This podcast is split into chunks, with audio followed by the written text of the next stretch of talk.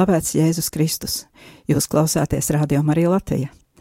Atkal klāt pirmdiena, jau 6. novembris, un, kā vienmēr šajā laikā, jūsu radioaparātos vai citās ierīcēs skan raidījums vairāk tevis manī. Ar jums kopā es, Sandra Preisa, un gribu aicināt, ja šīs dienas pārdomas jums radīs kādus jautājumus, es ar prieku ar jums padiskutēšu ēterā. Varat gan zvanīt, gan rakstīt īsiņas. Atgādinu kontaktus. Eh, Telefona numurs ēterā 67 969 131. Tātad numurs ēterā 679 691 31, bet numurs izziņām 26 67 72 72. E-pasts vairāk tevis manī at gmail.com. Šodien pārdomāsim, kādā veidā savstarpēji ir saistīti baušļi, gudrība, prāts un brīvā griba un mīlestība. Bet tagad lūksimies Dieva tēva un dēla un svētā gara vārdā Āmen. Tavā patvērumā steidzamies, svētā Dieva dzemdētāja, nenicini mūsu lūgšanas, mūsu vajadzībās, bet izglāb mūs vienmēr no visām briesmām. Tu godināmā un svētā jaunava, mūsu valdniece, mūsu vidutāja, mūsu aizbildinātāja, izlīdzini mūs ar savu dēlu, novēli mūs savam dēlam, stādi mūs savam dēlam priekšā. Lūdz par mums svētā Dieva dzemdētāja, lai mēs Kristus solījumu cienīgi topam. Ak, bezvainīgā sirds, palīdz mums uzvarēt ļaunumu, kas tik viegli iesakņojas mūsdienu cilvēka sirdī. Pasargā mūs no tā, ka Latvijas tauta attālinās no Dieva. No jebkāda grēka, no nešķīstības, negodīguma, sautības pasargā mūs. No grēkiem pret cilvēka dzīvību, kurš bērnu ieņemšanas brīža pasargā mūs. No naida un citu dievu bērnu pazemošanas pasargā mūs. No jebkāda veida sociālās netaisnības pasargā mūs. No starpnacionālām nesaskaņām pasargā mūs. No dieva baušļu neievērošanas pasargā mūs no tā, ka Dieva patiesība cilvēku sirdī tiek nomākta, pasargā mūs, no tā, ka zūd izpratni par labo un ļauno pasargā mūs, no grēkiem pret svēto garu pasargā mūs. Pieņem Kristus māti šo lūgumu, kuru cilvēki izsaka savās ciešanās un cerībās, palīdz mums svētā gara spēkā uzveikt grēkus visās tos izp to izpausmēs. Lai mūsu zemē atklājas Dieva žēlsirdīgās mīlestības spēks, lai tas aptur jebkādu ļaunumu, lai mīlestība pārveido cilvēku apziņu. Dieva māte, tavai bezvainīgajai sirdī mēs uzticam savu zemi Latviju un ikvienu Latvijas cilvēku un lūdzam, ved mūs visus pie sava dēla, pie mūsu kunga Jēzus Kristus. Āmen! Jā,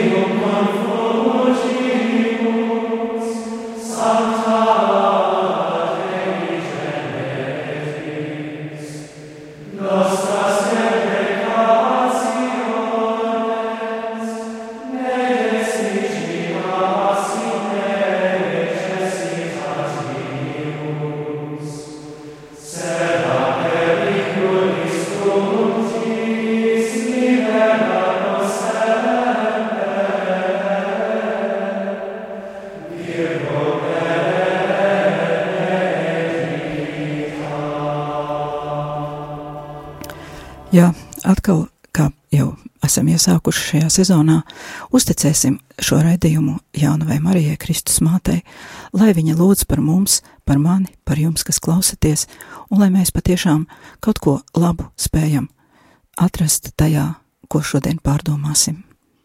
Iepriekšējo raidījumu beidzām ar jautājumu paši sev. Jāatceraties, vai es sevi mīlu? Jo, ja mēs ticam, ka Jēzus runā patiesību, tad cita ceļa uz tuvāku mīlestību nav. Jau piektajā mūzes grāmatā uh, ir teikts, tev būs to kungu, savu dievu mīlēt no visas savas sirds, no visas savas dvēseles un ar visu savu spēku. Un Jēzus evaņģēlijā citē šo pantu no Toras un papildina un mīlēt savu tuvāko kā sevi pašu. Tieši sevi pašu mums ir jāliek tā kā pirmajā vietā, jo, lai gan Jēzus runā savu tuvāko kā sevi pašu un mūs nosauc pēc, bet mēs nevaram mīlēt tuvāko, ja mēs nemīlam sevi. Un tiešām veidā par mīlestību šovakar mēs nerunāsim, nu, lai gan varbūt arī drusciņi parunāsim, bet, es, bet skatīsimies dziļāk. Un, ja mēs skatāmies vēl dziļāk, ne tikai uz šo raidījumu, kuru vadu es, bet vispār uz visiem raidījumiem radio Marija ēterā, tad faktiski netiešā veidā visi šie raidījumi runā par mīlestību, jo nav jau cita varianta, mēs esam Marijas radio, un, kā mēs zinām, Dievs ir mīlestība, baznīca tā māca, un tā tad, lai arī par ko mēs nerunātu, mēs tik un tā atgriežamies pie Dieva, kas ir mīlestība. Jāatceramies, kādreiz esmu citējusi Sienas Katrīnu un atgādināšu vēlreiz, kā Katrīna runājās ar Dievu, nu tiešā veidā, un Dievs Sienas Katrīnai dialogā saka tā: Viela, no kā jūs esat radīti, ir mīlestība, jo es esmu jūs radījis no mīlestības, un tādēļ jūs nevarat dzīvot bez mīlestības.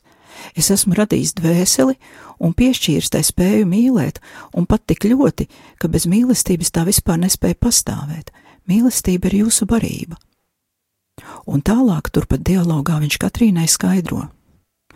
Iemesls tam, ka viņi neatrod sātu, ir šāds.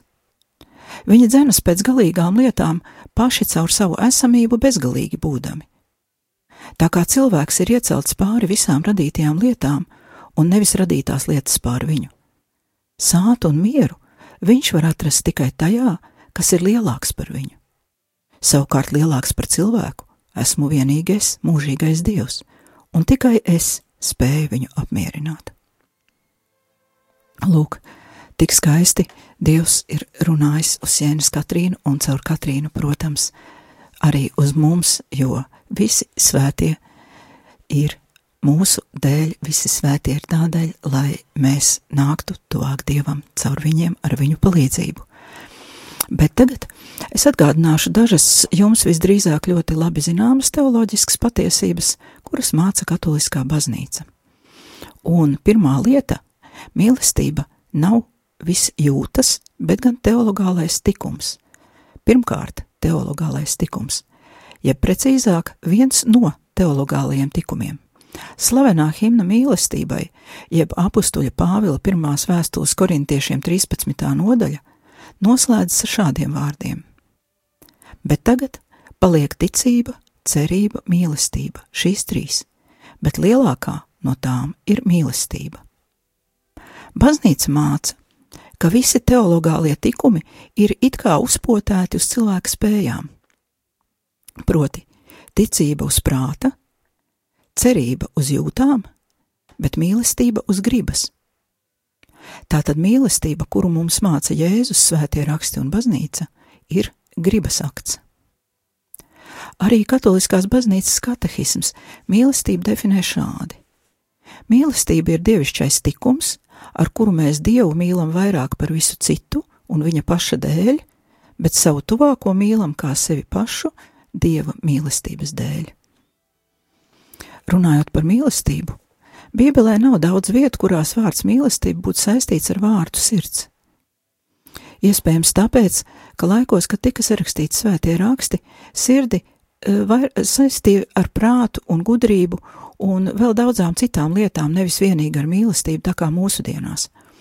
Un daudz viet varam lasīt, ka sirds skubina kaut ko darīt, vai, piemēram, 5. mūzes grāmatā 5. nodaļā 29. pāns. Kaut jau notiktu, ka tiem vienmēr būtu tāds sirdsprāts, mani bīties un visus manus baušļus mūžam turēt, lai viņiem un viņu bērniem labi klātos mūžīgi. Ievērosim šo interesanto salikteni sirdsprāts. Visticamāk, ka šo vārdu mēs visi esam dzirdējuši ne reizi vien, bet vai esam mēģinājuši iedziļināties tā nozīmē? Sirds un prāts vienā vārdā. Vārdi, kuri seko vārdam sirdsprāts, it kā izskaidro tā nozīmi. Tas nozīmē bīties dievu un turēt, respektīvi pildīt viņa baušļus. Un turpat seko arī apsolījums, lai viņiem un viņu bērniem labi klātos mūžīgi. Liekas, ka sirdsprāts nozīmē gluži vienkārši pildīt baušļus, tomēr pavisam nav, nav tik vienkārši. Šos vārdus saka pats Dievs mūzum pēc tam, kad ir devis desmit baušļus un noslēdzis derību bet Mūzes šos vārdus atstāsta tautai pēc nokāpšanas no Horeba kalna. Bet tagad vēlreiz pievērsīsim uzmanību teikumu pirmajai daļai. Kaut jau notiktu, ka tiem vienmēr būtu tāds sirdsprāts. Un kas ir interesanti, pirmkārt, šie vārdi ir vēlējuma izteiksmē, gan vulgātā, gan arī angļu, krievu un latviešu tulkojumā. Otrkārt, nu vismaz latviski, ir vēl divi vārdi - vienmēr un tāds sirdsprāts, Tātad vienmēr var nebūt, vai arī var būt citādāks. Lugātā šā vārda sirdsprāts vietā ir lietots vārds mentem, kas latīniski vairāk tā kā nozīmē domas un prāts, bet angļu, krievu un latviešu valodā šis termins ir saistīts ar sirdi. Angļu un krievu valodā vienkārši sirds, latviski lietots vārds sirdsprāts. Tātad mēs redzam, ka ar to sirdi un mīlestību un prātu nemaz nav tik vienkārši. Cik daudz par dievu un cilvēku attiecībām un pašu derību izsaka šis viens teikums Bībelē. Dievs dod cilvēkam baušļus, lai viņiem un viņu bērniem labi klātos mūžīgi, taču viņš dod arī pilnīgu brīvību šos likumus nepildīt un dieva nebīties, jo citādi viņš to nebūtu teicis vēlējumu izteiksmē un vēl sakot, nu, lai nu vienmēr būtu tāds prāts. Lūk, kāda derība starp radītāju un radību. Dievs faktiski nostāda radību sev līdzvērtīgā stāvoklī, jo viņš neko neuzspiež no stiprākā pozīcijas. Baznīca māca, ka Dievs ir mīlestība, un lūk, jau Mūzes grāmatā mēs redzam šo mīlestību. Mēs redzam, ka Dievs cilvēku tik ļoti mīl, ka viņš dod cilvēkam norādījumus, kā dzīvot, lai gan viņš, gan viņa bērni būtu laimīgi, bet tajā pašā laikā neko neuzspiež. Un tikai vēlējuma izteiksmē saka, ak, kaut nu tu cilvēks tā dzīvotu. Bet cilvēki neko nesaprata toreiz, nesaprata pat, kad atnāca Jēzus Kristus un dzīvoja cilvēku vidū. Un kā mēs jau paši labi zinām, nesaprot joprojām. Liekas taču tik vienkārši, bet nesaprot. Klausoties dziesmu, padomāsim, vai es saprotu Dieva mīlestību. thank you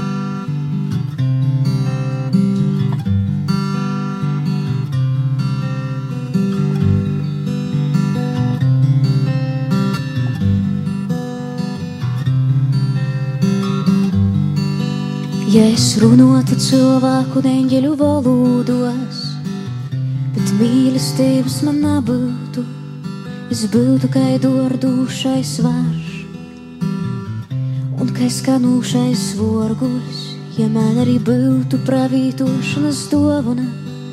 Un es zinātu visus noslēpumus, visas zinības īgiltu.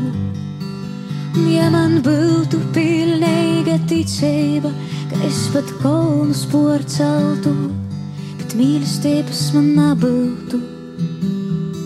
Es nebūtu nekas, ja man mīlestības nebūtu. Ja visu panes, visu ceru, esam tic, es nebūtu nekas, ja mīlestības nebūtu. Ja visu panes, visu ceru, esam tic.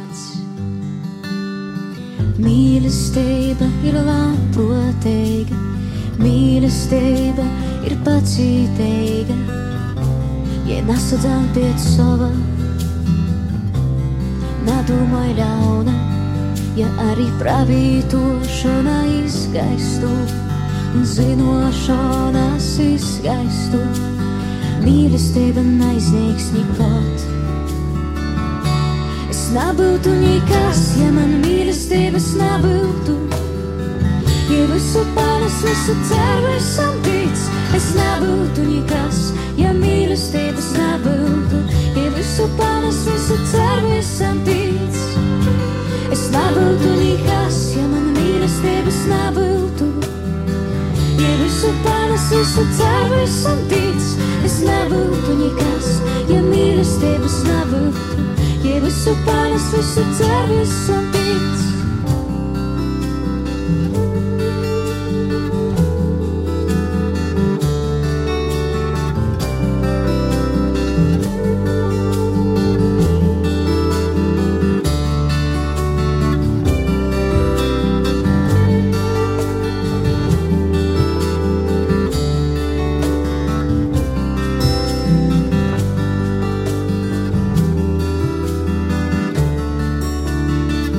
Tagadnē palīkšos streiks, ticība, cerība, mīlestība. Tagadnē palīkšos streiks, ticība, cerība, mīlestība. Bet nu jām lielāko ir mīlestība. Bet nu jām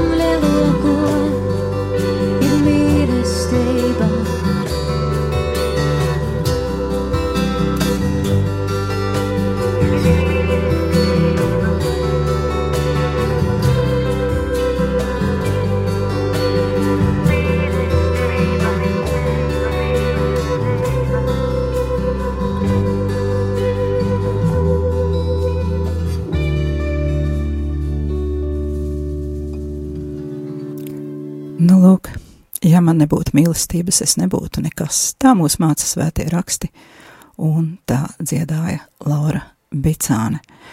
Bet tagad mazliet pameditēsim par prātu, par domāšanu un gudrību, kurām vajadzētu būt katra mūsu gribas akta pamatā, jo, kā mēs jau secinājām, arī mīlestība ir viens no gribas aktiem, un mīlestību baznīcā definē arī kā vēlmi apzināti darīt otram labu vai vēlēt labu vismaz. Un tie, kuri seko raidījumam Facebookā, noteikti ir ievērojuši, ka raidījuma prezentācijas galviņā jau ilgu laiku ir lasāms viens un tas pats citāts no Akvīnas Toma - disputa par patiesību. Nu, latvisko tulkojumu es jau te kādā raidījumā uh, devu, tas ir no latīņu valodas, un latīņu valoda, diemžēl, ir, jeb par laimi, nezinu, ir plašāka un semantiski bagātāka nekā latviešu valoda, un tādēļ tas tulkojums ir tāds, nu, teiksim, mazliet aptuvens, bet jēgu var saprast. Un tā tad neprāts un nezināšana, jeb stulbums un nezināšana, ir tiešā pretstatā dievišķajai gudrībai un cilvēciskajai zināšanai, jeb saprašanai kā tādai. Bet netiešā veidā arī visi citi grēki ir tām pretstatā. Cik tālu gudrības un saprašanas pārvaldīšana, kurai jābūt jebkuras darbības pamatā, ir izkropļota caur grēku. Tāpēc katru ļaunu cilvēku sauc par tādu, kurš nezina. Tātad eh, mēs zinām, vai varbūt esam aizmirsuši, eh, ka Bībelē arī muļķība eh, tiek skaitīta pie nāvīgiem grēkiem. Un tā tad muļķība, kā Akvīnas Toms saka, ir tā, kura izkropļo jebkuru cilvēka darbību, cilvēks vairs nespēja gudri pārvaldīt savu gribu. Un tas nozīmē, ka patiesībā katra grēka pamatā ir muļķība, jeb arī jebkura darbība muļķības dēļ ir izkropļota un padarīta par grēku. Tātad Toms kā galveno uzsver dievišķo gudrību un sapratni, un arī cilvēcisko zināšanu, kas, kā jau sapratām, iepriekš nav pretrunā mīlestībai. Savukārt Katrīna no Sienas kādā no savām vēstulēm raksta tā: Ieraugot, ka tiek mīlēts, cilvēks drīz arī pats sāk mīlēt. Vēstuļu izlase. Savukārt citu vietu Katrīna izsauc tā: kura gan un kāda sirds spētu būt tik cieta un iecirtīga, ka pat noliekšanās un mīlestība, ko taisniedz dieva labestība, nespēj to atmiekšķēt. Mīliet, mīliet, apdomājieties, ka jūs tiekat mīlēti vēl pirms jūs iemīlat. Vēstuļu izlase. Ja mīlestība, griba un gudrība ir tik ļoti cieši saistītas, liekas, kas gan mums cilvēkiem varētu traucēt? It īpaši tagad, kad zinām, ka Kristus mūs ir atpestījis un mēs esam vēl daudz īpašākā stāvoklī nekā izredzētā tauta tajā brīdī, kad Mūzes Horeba kalnā saņēma dievu baušļus. Tomēr, jāatcerieties, par ko runājām iepriekšējos raidījumos, varam secināt tikai vienu. Mūsu kā cilvēces stāvoklis ir visai bēdīgs. Mēs joprojām spriedelējam par to, vai Dieva likums ir jāievēro. Pie tam šī spriedelēšana notiek mācītu teologu vadībā. Jebkuru bausli mēs mēģinam interpretēt tā, lai sevi attaisnotu un izliktos par nevainīgiem jēriņiem. Līdzīgi arī savstarpējās attiecībās. Trijos iepriekšējos raidījumos mēs vairāk uzmanības pievērsām cilvēkiem, kurus sauc par psihopātiem un sociopātiem, kuru uzvedības novirzes ir saistītas vai no nu slimību, vai arī ar ļoti dziļām un destruktīvām traumām, ar kurām šie cilvēki nav varējuši bērnībā tikt galā. Bet šodien padomāsim par sevi un cilvēkiem mums apkārt, kuriem nav šādas smagas diagnozes. Vienīgi, ko es vēlētos atgādināt, eh, mani raidījumi ir tikai prāta vētra. Mani raidījumi būtībā ir provokācija, lai jūs rosinātu uz domāšanu, jo domāšana tas ir tikpat kā, kā krosiņš eh, ķermenim fiziski, tā domāšana ir tāds krosiņš smadzenēm. Un tādēļ es lūdzu uz manu izteikumu pamata nepieņemiet nekādus lēmumus, domājiet paši, jo tas, ko es šeit runāju, tā ir tāda prāta vētra, tie nav norādījumi, ne arī pamācības, ne arī likumi. Es tikai mēģinu iekustināt domāšanu par kaut kādām tēmām. Raidījuma nosaukums ir vairāk tevis manī, ar tādu nozīmi, lai pēc katra raidījuma mēs arvien vairāk spētu kādu savu iekšienes, varbūt noslēgtu stūrīti atvērt dievam, kaut ko vairāk uzzināt par dievu, varbūt vairāk uzzināt par sevi, vairāk uzzināt par pasauli, bet ar vienu vienīgu mērķi - vairāk dieva manī, tevī un katrā no mums bet Dievs ir absolūtā gudrība, mīlestība un viss labais, ko varam un nevaram iedomāties. Tā nu mēs cilvēki esam iekārtoti, ka mums ir jādomā un jāpieaug gudrībā, un tiklīdz mēs apstājamies to darīt, tā mēs krītam. Iesākumā krītam netikumos, vēlāk arī nopietnos grēkos. Un tāpēc mm, tagad vēl mazliet par domāšanu. Vairākos iepriekšējos raidījumos Uz priestera Ričarda Rora grāmatas piemēriem mēs pētījām, cik viegli var piemuļķot cilvēkus, kuri uzticas autoritātei un nepārbauda faktus. Bet šeit es uzreiz gribētu piemetināt, ka nepārprotiet mani, es nesludinu, ka šī grāmata būtu aizliegtas lasīt, ka šo grāmatu nedrīkstētu lasīt katoļi, es runāju tikai par to, ka jebkura grāmata šī ieskaitot ir jālasa ļoti uzmanīgi un gudri un ar prātu. Eh, tāpat uh, ir arī tāds mazliet strīdīgs jautājums parādījies attiecībā uz tādu priesteri Džeimsu Mārtinu, jeb Džimu Mārtinu, varbūt jūs arī esat lasījuši kādu no viņa grāmatām latviski, jo varēja rasties iespējas pēc viena raksta internetā, kā arī šī grāmata vai šis autors tagad ir pilnīgs ķeceris, herētiķis un aizliegts.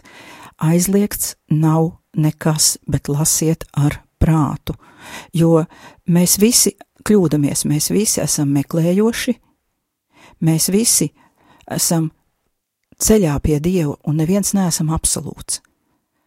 Un arī to cilvēku svētumu, kur ir apstiprināti kā svētie, apstiprina ilgus, ilgus gadus pēc viņu nāves. Un arī mēs nezinām, kurš no mums būs svēts, jo to varēs saprast tikai mūsu nāves brīdī, un tādēļ mēs visi esam ceļā. Un nevajadzētu pieņemt kaut kādus kategoriskus lēmumus vai spriedumus vai tiesāšanu par cilvēkiem un viņu izteiktajām domām, jo tāpat kā Džeims Mārtiņš, tāpat arī Ričards Rors, un tāpat arī Tomas Smērtons un Tomas Skītings, un vēl daudzi autori, kur šobrīd tiek iespiesti, kuru grāmatas tiek drukātas un lasītas, uh, ir jālasa ar prātu. Galvenais - lasīt ar prātu. Un es pagājušajā reizē kaut ko jau mazliet minēju arī par kritisko domāšanu, un nemitīgi es to pieminu, un droši vien nākamajā reizē mēs parunāsim kaut ko vairāk, bet es gribētu aicināt uz vienu.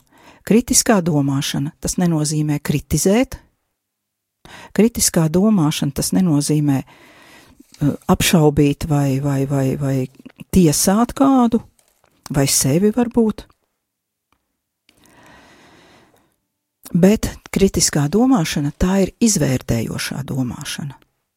Tā ir domāšana, kura izvērtē faktus, izvērtē visu, kas tiek pasniegts eh, vai nu tekstuāli, vai, vai tā kā es šobrīd runāju radio, un tā ir domāšana, kura neļauj sevi piemuļķot.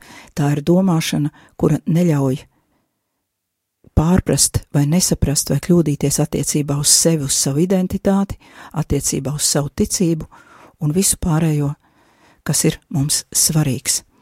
Un šādu domāšanu raksturē, raksturo vispirms jautājumu, uz kuriem jāatbild, tad informācija, kur ir nepieciešama, lai atbildētu uz šiem jautājumiem. Pēc tam ir secinājumi un interpretācijas, kuras ir radušās. Katrai domāšanai ir arī mērķis. Katras domāšanas pamatā vienmēr ir jēdzieni un idejas, kuras mēs izmantojam domājot. Vienmēr par jebkuru jēdzienu un ideju ir dažādi viedokļi, kuri mums ir jāņem vērā, un, protams, jāanalizē un jāizdomā, kāda ir mūsu attieksme, un vai šī attieksme, kas ir pausta kādā viedoklī, sakrīt ar mūsējo, un kāpēc sakrīt vai nesakrīt. Tad ir arī dažādi pašsaprotami vai mazāk pašsaprotami pieņēmumi, un galā domāšanai ir kaut kāds rezultāts, kurš ietekmē mūsu rīcību, mūsu tālāko dzīvi un mūsu izvēles. Lūk, eh, tie būtu tādi, tas būtu tāds pārskats par to, kas vispār ir domāšana. Tas gan nav tāds eh, tīri teoloģisks, bet jau praktisks un zinātnisks skatījums var būt. Lūk, tā tad domāsim, ko mēs darām, kāpēc mēs darām, kad lasām, analizēsim un domāsim. Un lasīt mēs drīkstam visu, jo ja jau pats Dievs, dodot baušļus, pieļāva to, ka cilvēki var kļūdīties un var varbūt kādā brīdī arī krist, bet galvenais ir atgriezties atpakaļ pie Dieva, galvenais ir meklēt patiesību, un, kad mēs saprotam, ka esam nepatiesi rīkojušies, nožēlot un atgriezties. Lai mēs varbūt savu rīcību labāk izprastu, mums tiešām ir šī kritiskā domāšana vajadzīga, un tad par kritisko domāšanu vairāk mazliet mēs parunāsim nākamajā reizē. Bet vienmēr atcerēsimies, ka arī mīlestība ir gribas akts, un ka domāšana un gudrība ir nepieciešama, lai mēs spētu veikt jebkādu aktu, arī mīlestības aktu. Ar to arī es šodien gribētu beigt, un tad nākamajā reizē mazliet parunāsim par to, kas ir kritiskā domāšana un kā mēs varam nenomaldīties šajā pasaulē, nenomaldīties arī drukātajā literatūrā un arī neizdarīt pārsteidzīgus vai muļķīgus secinājumus. Taču ņemiet vērā, tas būs tikai ievads, pamata materiāls, jums būs jāmācās un jāmeklē pašiem. Paldies, ka klausījāties! Nu, tad es atvados no jums līdz nākamajai pirmdienai. Tas bija raidījums vairāk tevis manī, un ēterā ar jums biju es, Sandra Preisa.